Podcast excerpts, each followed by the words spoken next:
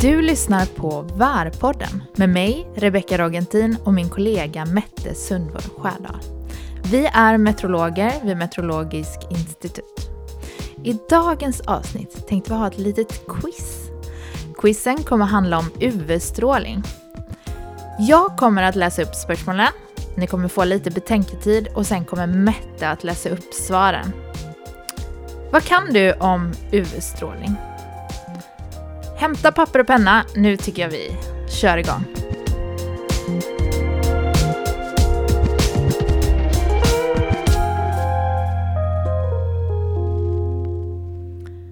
UV-strålning, även kallad ultrafiolett strålning, är en elektromagnetisk strålning med kortare böljelängd än synligt lys.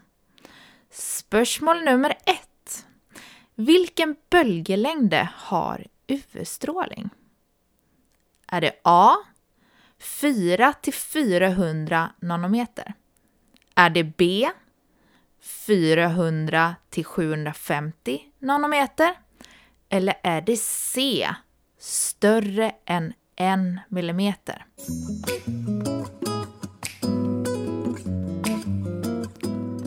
Ja, nå eh, kommer svaret, og eh, du kan ta på pause om du ikke har tenkt helt ferdig ennå.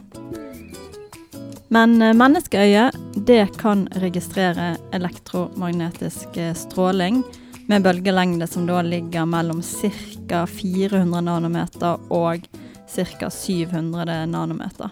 Og det er da denne delen av det elektromagnetiske spekteret som da kalles synlig lys. Og da stråling som har lengre bølgelengde, det er da infrarød stråling, det er mikrobølger og radiobølger. Og radiobølger de har jo en bølgelengde som da er større enn 1 millimeter. Mens ultrafiolett stråling, eller UV-stråling, da, det er elektromagnetisk stråling som har bølgelengde som ligger mellom det synlige lyset og røntgenstråler. Og det vil si at det ligger omtrent sånn mellom 4 og 400 nanometer. Så rätt svar på detta spørsmålet det är då alternativ A. Tack för svaret Mette. UV-strålning kommer ju naturligt från solen. Men det finns också konstgjorda UV-källor såsom solarium. UV-strålning är ju viktigt för den mänskliga hälsan. Men kan i för stora doser föra till hudskador och öjeskador. Spörsmål nummer två. Kan några levande organismer se UV-strålning? Ja eller nej?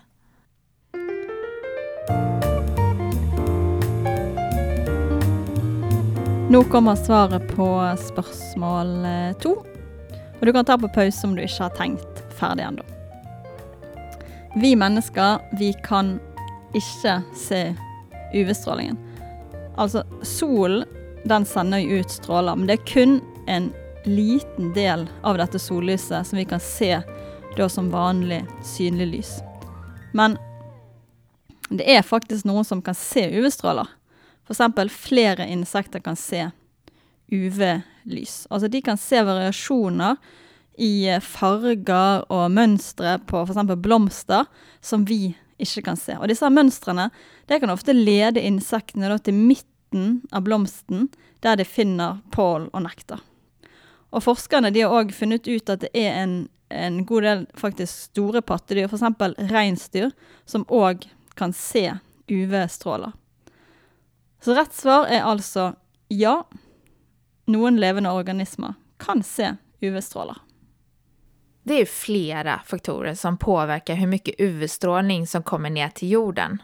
Bland annat hur högt solen står på himlen. Det beror ju på årstid, vilken tid det är på dagen. Och tjockleken på kyldäcket, det spelar också en roll. För ju tjockare kyldäck vi har, desto mindre UV-strålning kommer ner till jorden.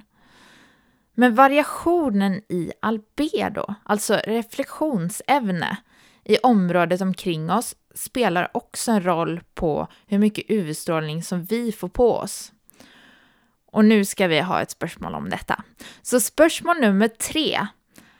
Tänk dig att du är på stranden, vinden fläktar sådär lagom mycket och samt kroppen värms upp av solen och ja, du vet, fötterna sjunker ner i den varma härliga sanden. Men hur mycket UV-strålning reflekterar egentligen törr sand? Är det A. Mindre än 5% Är det B. 15 till 20% Eller är det C. 50 till 60%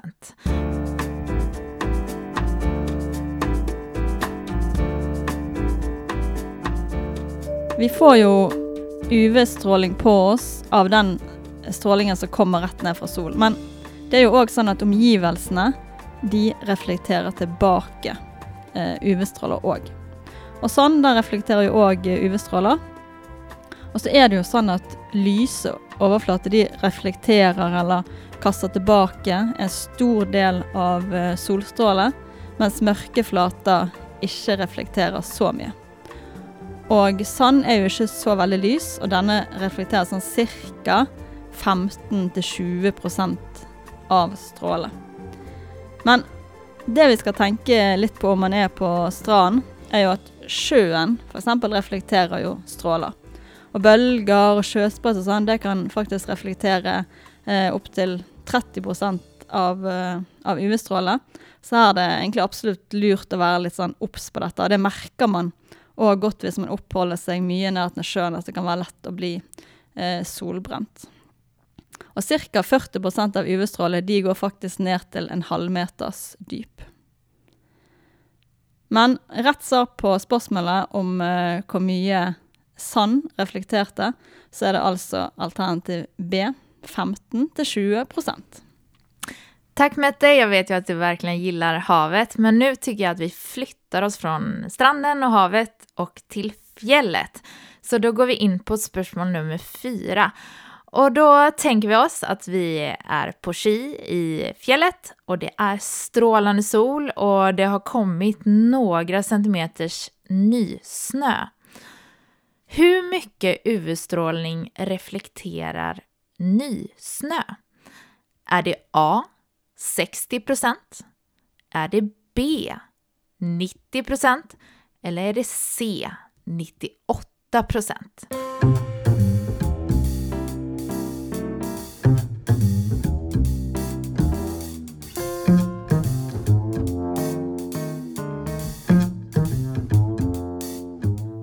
I snøen så er reflektiviteten høy. Altså nysnø kan faktisk reflektere så mye som 90% av stråle. Og det er jo nesten alt. Så her gjelder det å være veldig obs. Bruk solkrem når man er i fjellet.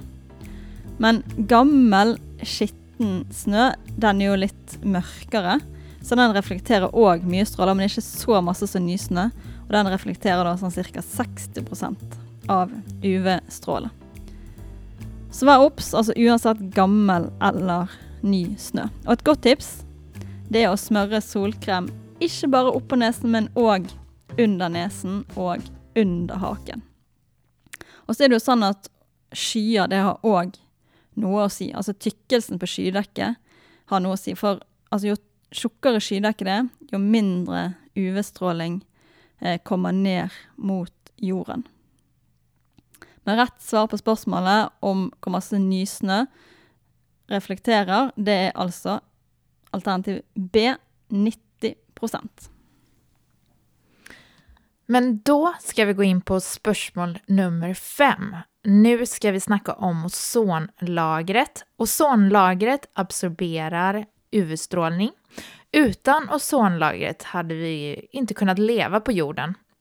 Och ju tjockare ozonlager vi har, desto mindre UV-strålning kan tränga igenom till jorden. Ozonlagret har under 1900-talet tunnats ut och det har bland annat varit på grund av mänsklig aktivitet. Det handlade i stor grad om att människor släppte ut klorfluorkarboner KFK, som bröt ner ozonet. Internationellt så är bruken av KFK kraftigt reducerat Och i Norge så är det bara tillåtet att använda KFK i laboratoriesammanhang. Men vad använder vi människor egentligen KFK-gaser till? Var det A. Köleskåp och sprayboxer? Eller var det B. Gödsel till planter? Eller var det C. Bilar och motorcyklar?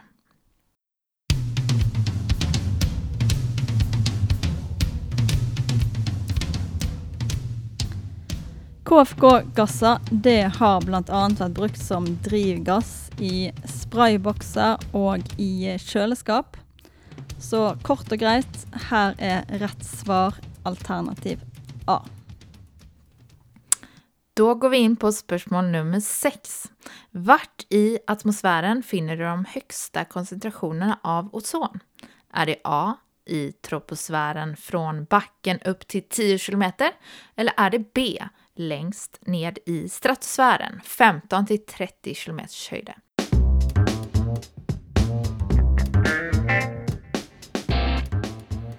Vi kan jo ikke snakke om UV-stråling uten å snakke om ozon og ozonlaget.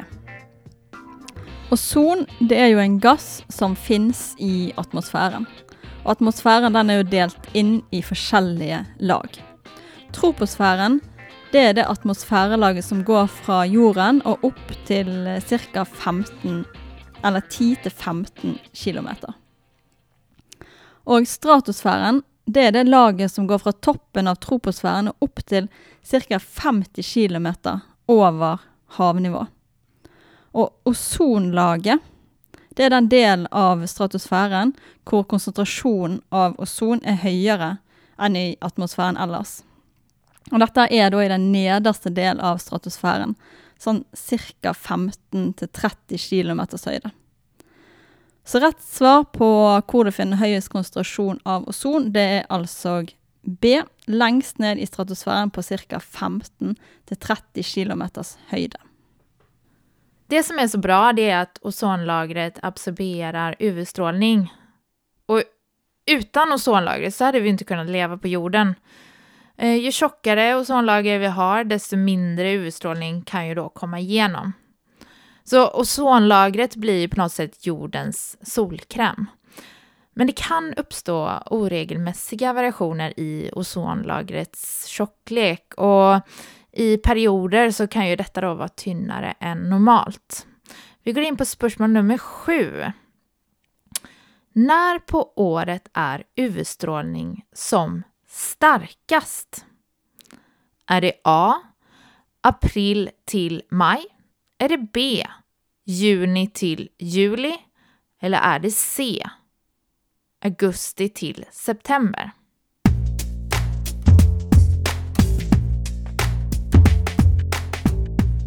UV-strålingen är som oftast eh, starkast om sommaren, alltså då i juni och juli.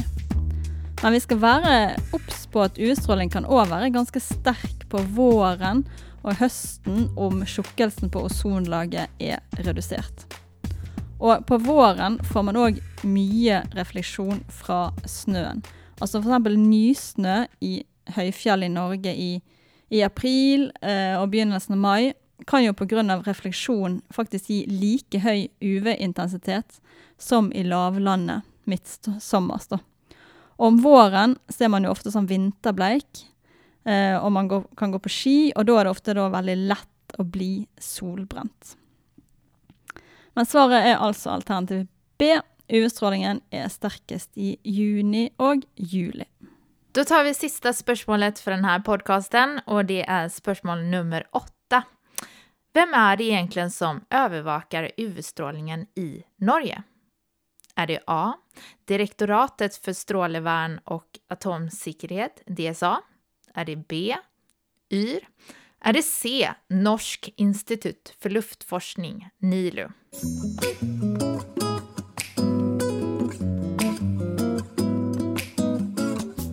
Her er det egentlig flere aktører på banen.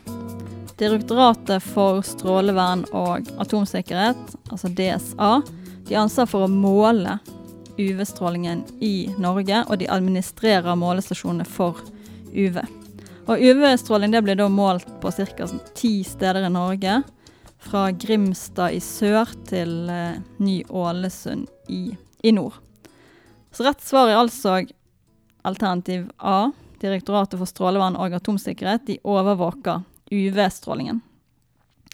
Men med bakgrunn i disse her strålingene så er det jo Meteorologisk institutt og NILU, altså Norsk institutt for luftforskning, som har ansvaret for å lage daglige UV-varsler. Og i disse UV-varslene så er det en UV-indeks, og den er et mål på hvor intens eh, stråling fra sol vi kan forvente. Altså jo høyere UV-indeks, desto sterkere stråling. Og denne indeksen den avhenger av flere faktorer, f.eks. hvor høyt på himmel sol står, og tjukkelsen på skydekket, eh, tjukkelsen på ozonlaget og refleksjon fra snø.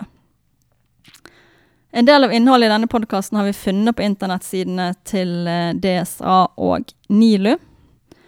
Og på disse sidene kan du òg finne mer informasjon om ferske UV-målinger, kan finne informasjon om UV-stråling, ozonlaget og UV-varsler. Varsler for UV-indeksen kan du òg finne for de neste dagene på yr.no.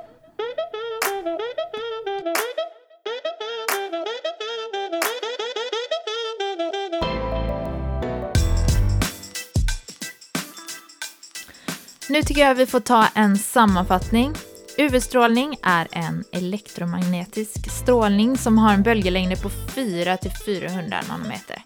Detta är en kortare böljelängd än synligt lys, så därför så ser vi människor inte UV-strålning. Men bland annat regnstyr och vissa typer insekter kan se UV-lys. Hur mycket UV-strålning som träffar oss beror på flera faktorer. Det beror på hur högt solen står på himlen, tyckelsen på kyldäcket, tyckelsen på ozonlagret och vad vi står på för underlag. Till exempel så reflekterar nysnö hela 90% UV-strålning. Så det är kanske när vi står på kis som vi behöver solkräm som allra mest. Mer information om UV-strålning finner du på hemsidorna till Direktoratet för strålevärn och atomsäkerhet, DSA, och Norsk institut för luftforskning, NILU. Varsel för UV-index för de nästa dagarna finner du på yr.no. På detta quizet kan man få ett poäng på varje spörsmål och full pott blir alltså åtta poäng.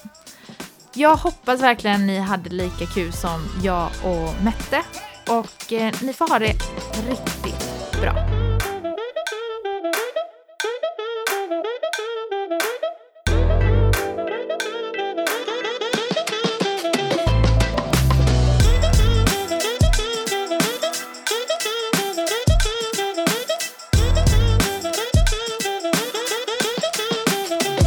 Har hørt på Værpodden fra Meteorologisk institutt.